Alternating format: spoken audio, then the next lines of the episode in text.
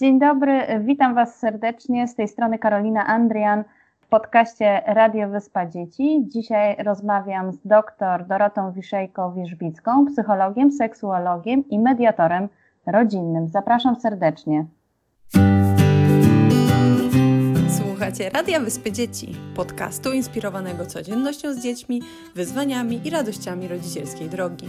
Opowiadamy o tym, co ważne, czasem trudne, o tym, co miłe, śmieszne i prawdziwe. Po prostu.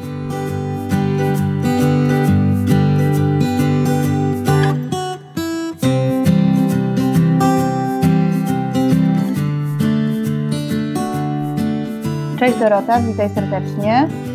Dzień dobry, witam serdecznie. Bardzo dziękuję, że zgodziłaś się na, tą, e, na nagranie tej rozmowy.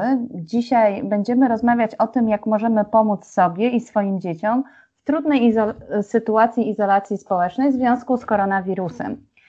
I moje pytanie pierwsze do Ciebie, w zasadzie od kogo zacząć w tym pomaganiu? Od siebie czy od dzieci? No może w myśl takiej zasady, którą się stosuje w samolocie, że najpierw maseczka tlenowa dla rodzica, później dla dziecka. Najpierw warto zadbać o siebie, o swoje samopoczucie, o to, w jaki sposób my też e, możemy zachować e, spokój. Mhm. Właśnie o tym spokoju chciałam e, Ciebie zapytać, bo mm, w myśl takiej bajki Carson z dachu Astrid Lindgren, w której główny bohater w warunkach, kiedy w zasadzie wszystko się wali jest totalny chaos, zawsze mówi spokój, tylko spokój. No i teraz obecna sytuacja, można by porównać tą obecną sytuację do takiej, takiego chaosu, w którym mhm. przyszło nam żyć po raz pierwszy raz w życiu. No i jak zachować właśnie ten spokój i, i jednocześnie mm. uspokoić swoje dzieci?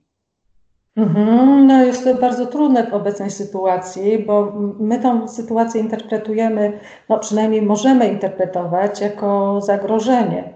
Czyli mhm. włącza nam się taki system alarmowy, i pojawiają się silne emocje, no niepokój, złość czy lęk. Y, I to są takie emocje, które e, nam jest trudno znieść e, i to jest naturalne. I zaraz chcemy coś na przykład zrobić, tak? jakoś odreagować, rozładować te emocje. Mm, amerykański psycholog Daniel Kahneman, on mówił o takim systemie jeden, systemie dwa, w których funkcjonujemy. I to jest tak, że w takim e, zagrożeniu, jakichś nagłych sytuacjach, kiedy nam się włączają e, emocje, to jest ten system jeden i to działanie jest takie nasze automatyczne, bardziej odruchowe, mhm. nie do końca przemyślane. Jest system 2, który jest takim systemem, trochę czapką taką kontrolującą, panującą nad tym systemem 1, i to jest taka nasza refleksyjność myślenia. On niestety działa troszkę jak taka bardziej ociężała maszyna i się włącza później, bo on e, gdzieś tam jest zlokalizowany bardziej w korze nowej, a tam impulsy, różne bodźce docierają troszeczkę później i wymaga to dłuższego czasu, więc w myśl też trochę takiego starego powiedzenia Zastanów się, poczekaj, policz do dziesięciu, kiedy są silne emocje, daj sobie czas, żeby to jakoś dotarło do ciebie, do tego systemu dwa. I w ten sposób, na przykład nazywając różne emocje, które nami w danym momencie targają, zdając sobie z tego sprawę, też uruchamiamy ten system dwa. I w związku z tym wyhamowujemy też te nasze silne, mm, czy pobudzenie, czy takie stany emocjonalne a tym samym e, no też możemy sami się uspokoić. I dopiero w takim stanie, no dobrze jest jakoś wrócić do, do dziecka, do sytuacji. Mhm. Też mam takie poczucie, że jak y, oglądamy dużo telewizji, dużo tych wiadomości, które y, i czytamy wiadomości w internecie, które są zdominowane przez to, co się dzieje obecnie w czasie tej epidemii, to mm, ten niepokój może narastać w nas. Ja jak za każdym razem za dużo obejrzę wiadomości, to oczywiście przychodzą takie, takie emocje jak strach czy lęk. W momencie, kiedy oglądam mniej, no to mm, prawie czasami mam poczucie, jakby tego wszystkiego nie było. Gdybym tylko mogła wyjść z domu. Mhm. Czyli wydaje mi się, że mówisz o takiej e, sposobie, takiej strategii trochę dystansowania się od tego, czym mhm. jesteśmy bombardowani, tak? Czyli jakiegoś e, wprowadzania takiego innej perspektywy, czy jakichś takich szerszych ram odniesienia do tego, co się dzieje. I to jest chyba też o tym, że warto mm, być może wprowadzać do naszego myślenia takie, takie odniesienie, że to jest ogólny kryzys, że ta sytuacja jest dla wszystkich trudna, że w tej sytuacji my możemy odczuwać te różne emocje, które się pojawiają. E, I że to jest taka szczególna sytuacja, w której próbujemy się zaadoptować do nowych warunków. No ale to niestety kosztuje e, też naszą energię psychiczną, jest taki badacz amerykański, Rob Baumeister, e, i on mówi o tym, że my mamy też patrząc jakby przez pryzmat każdego dnia, ograniczone zasoby energetyczne.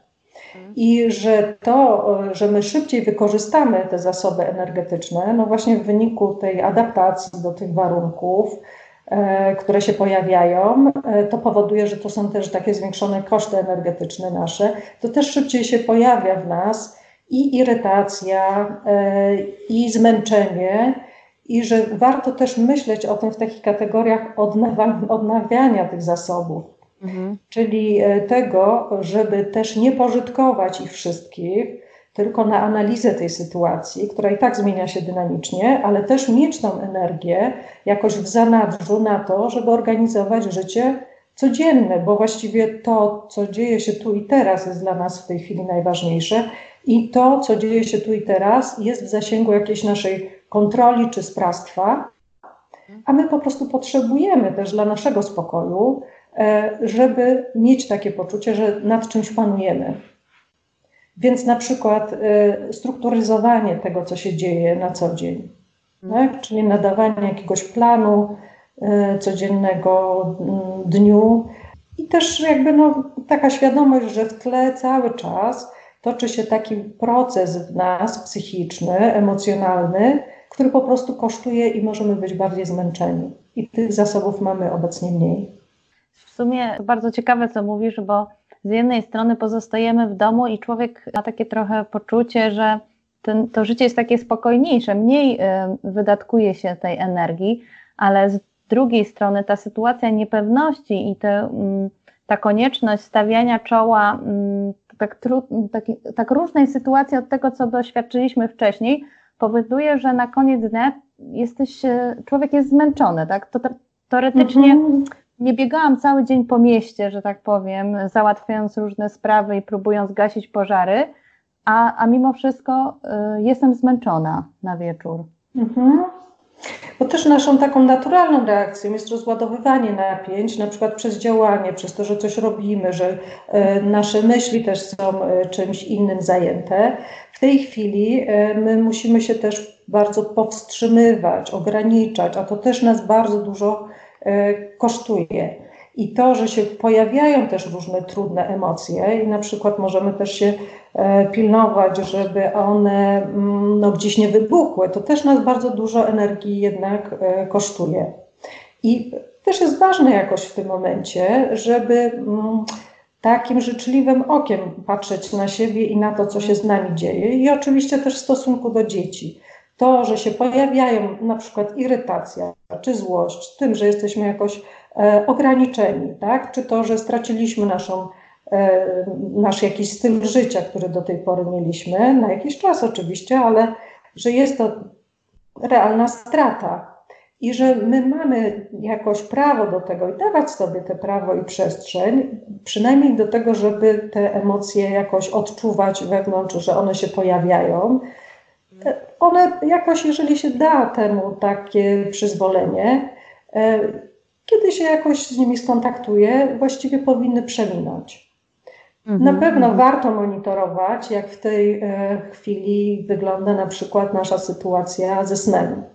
Że warto jakoś mieć to na uwadze, jak obecnie sypiamy, bo mhm. jakby z racji tego, że więcej tej energii wydatkujemy, takim prawidłowym rytmie powinniśmy też móc odnawiać te nasze zasoby psychiczne e, podczas snu.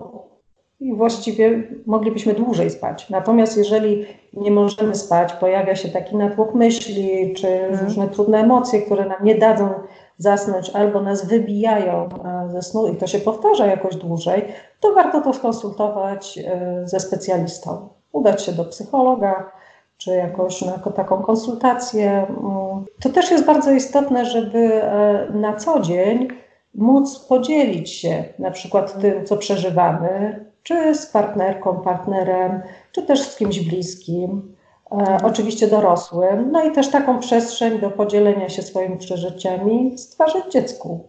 Mhm. Na pewno no nie wypytywać. Tak? No właśnie, chciałam tak? o to zapytać, mhm. czy jak stwarzać tą przestrzeń, czy właśnie tak e, być bardziej wnikliwym w to, co czuje dziecko, e, zadawać mu te otwarte pytania, tak drążyć, czy raczej czekamy, aż dziecko samo do nas wyjdzie z inicjatywą?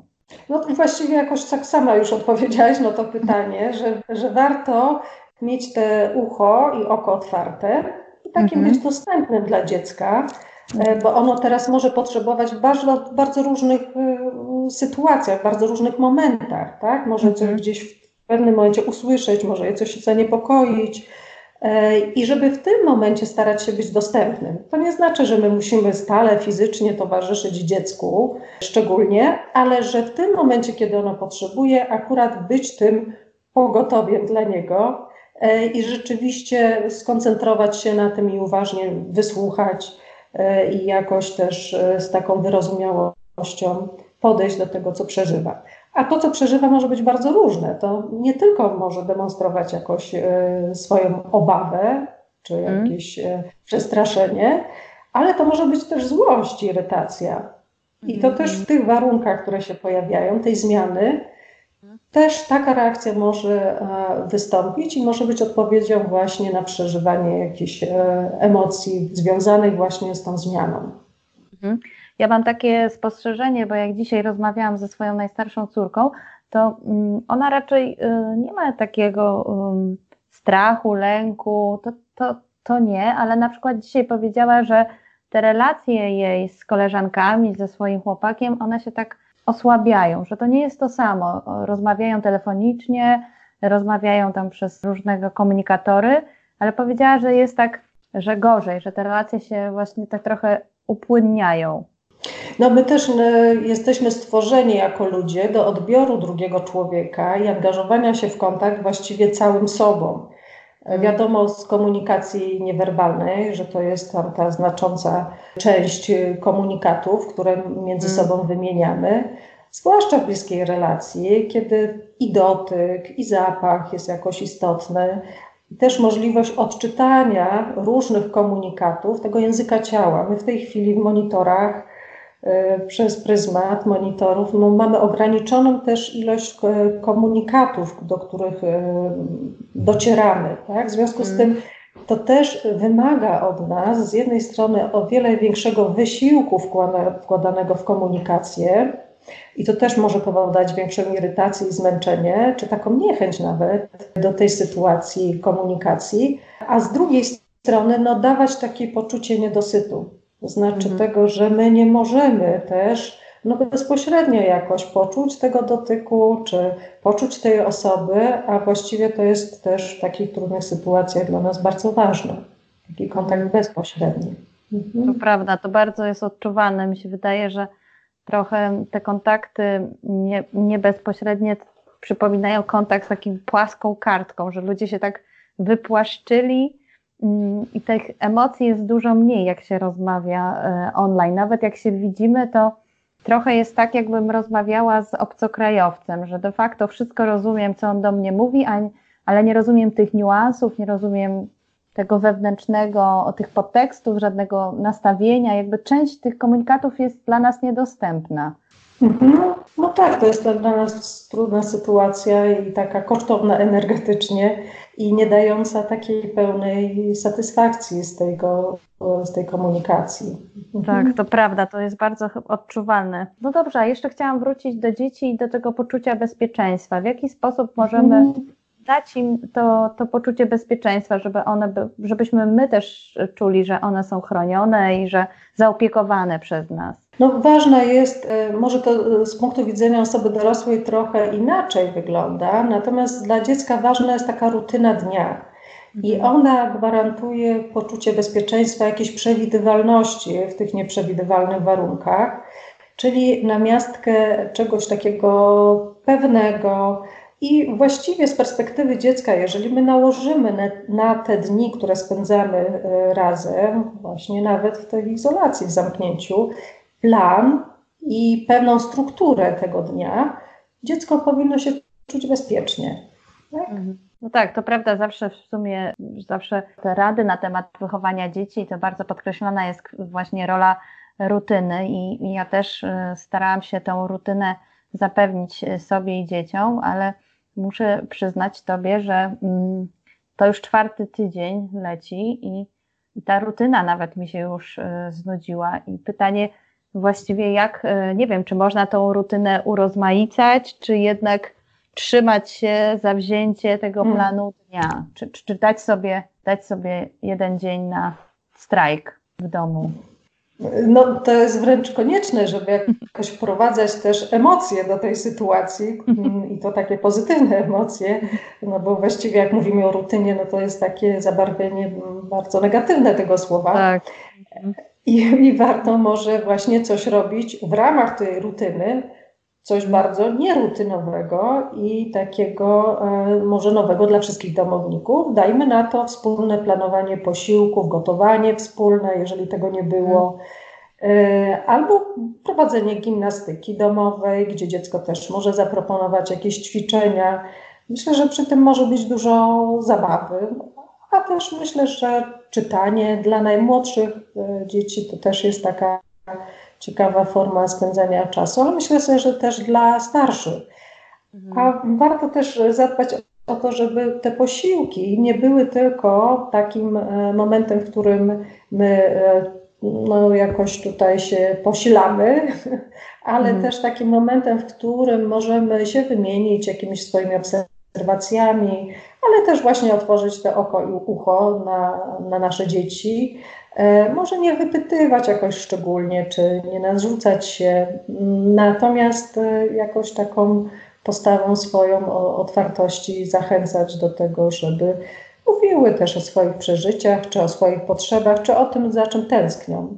Wspomniałaś e, o, o tym, żeby mieć otwarte oko, ucho, żeby być, być dla tego dziecka, o tej dostępności psychicznej. I muszę przyznać, że jest to w sumie łatwo się o tym mówi, ale jest to bardzo trudne, bo, bo to jest takie niedookreślone, co to znaczy być dostępnym dla, dla swoich dzieci, kiedy człowiek ma, e, że tak powiem, tą swoją agendę, tutaj musi gotować, tu trzymać się rutyny, tu, tu, tu pracować.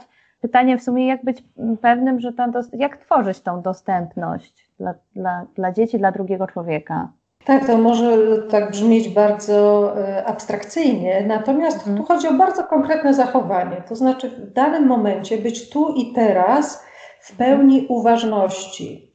To mhm. jest trochę tak, o czym mówi mindfulness. E, mhm. W danym momencie, jeżeli kogoś słuchamy, czy zwracamy uwagę, chcemy poświęcić czas w danym momencie dziecku, to rzeczywiście go poświęcajmy w tym momencie, a nie róbmy w tym momencie czegoś innego, a też starajmy się nie myśleć o czymś innym, nie wybiegać e, myślami czy jakoś e, pytaniami, tylko rzeczywiście słuchać z taką pełną otwartością gotowością przyjęcia tego, co się pojawia czyli być tu i teraz w pełni obecnym. To prawda, no trudne. Wcale nie jest to takie proste wbrew pozorom, chociaż brzmi dość prosto, ale tak w, w rzeczywistości muszę przyznać, nieraz mi dzieci za, zarzucają, że no, że mnie nie ma. Jestem, ale ciebie nie ma, mamo. Hmm. No dobrze, a jeszcze hmm, tak, żebyśmy zakończyły y, pozytywnie tą rozmowę, bo hmm, te, te, te pozytywne myśli, które przychodzą, jednak czym dłużej siedzimy w domu, mamy ten czwarty tydzień, tym trudniej nam o te e, pozytywne myślenie, jak rozmawiam z, z innymi dorosłymi osobami, to jednak coraz więcej pojawia się tych takich mm, tego narzekania, też widać to na e, mediach społecznościowych, te różne piosenki, które ludzie przerabiają i, i, i ośpiewają, jak trudno jest żyć za szybą w zamkniętym domu. To hmm. może Ciebie poproszę o taką pozytywną myśl dla nas. Można chyba myśleć w taki sposób, że właściwie mm, to, co nas spotyka w ogóle w życiu, każdy kryzys, taka trudna sytuacja i one się zdarzają nam nie tylko dzisiaj, ale też zdarzały się w przeszłości, że każda z takich trudnych sytuacji niesie zarówno dobre, jak i złe strony. Pewnie w tej chwili to, co nam się narzuca, to są oczywiście te złe strony i one jak najbardziej są i warto o nich rozmawiać. E, natomiast też każda e, zmiana jest pewnym, pewnego rodzaju wyzwaniem rozwojowym. Każdy z kryzysów, mówi się o tym, że człowiek się rozwija od kryzysu do kryzysu. I być może z takiego wyzwania, z takiego kryzysu, w którym możemy się jakoś e, lepiej przyjrzeć sobie, może lepiej nawet siebie poznać, czy też uznać, że coś jest dla nas w takich warunkach ważniejsze, coś jest mniej ważne, że może z tych warunków możemy wyjść jakoś silniejsi, mądrzejsi, dojrzalsi. No i właściwie tego byśmy chyba sobie wszyscy życzyli. Ale tak y, kończyć jeszcze, uważasz, że to y, można osiągnąć samemu, czy, czy jednak w interakcji z drugą osobą, czyli w rozmowie, w rozmowie załóżmy z przyjaciółmi, z, z mężem, z, z przyjaciółką, tudzież właśnie z osobami, które wspierają, z psychologiem czy tam terapeutą, y, czy, czy, czy warto jednak o tym rozmawiać, żeby, ten, żeby dostrzec to, czy jednak można tak sobie w głowie, że tak powiem, analizować i przemyśleć wszystko? W tym momencie, kiedy jesteśmy fizycznie odizolowani, lepiej się już bardziej nie izolować. To znaczy, na pewno y, dobrze jest wychodzić z każdymi swoimi myślami, jakie one by nie były, i pewnie to jest też bardzo ważne, żeby mieć do kogo się zwrócić y, z różnymi myślami i tymi pozytywnymi, z jakąś swoją nadzieją, żeby móc ją y, dzielić, ale też z tymi trudnymi przeżyciami, mhm. żeby je można było właśnie konfrontować i właściwie się przekonywać, że inni mają podobnie. Mhm.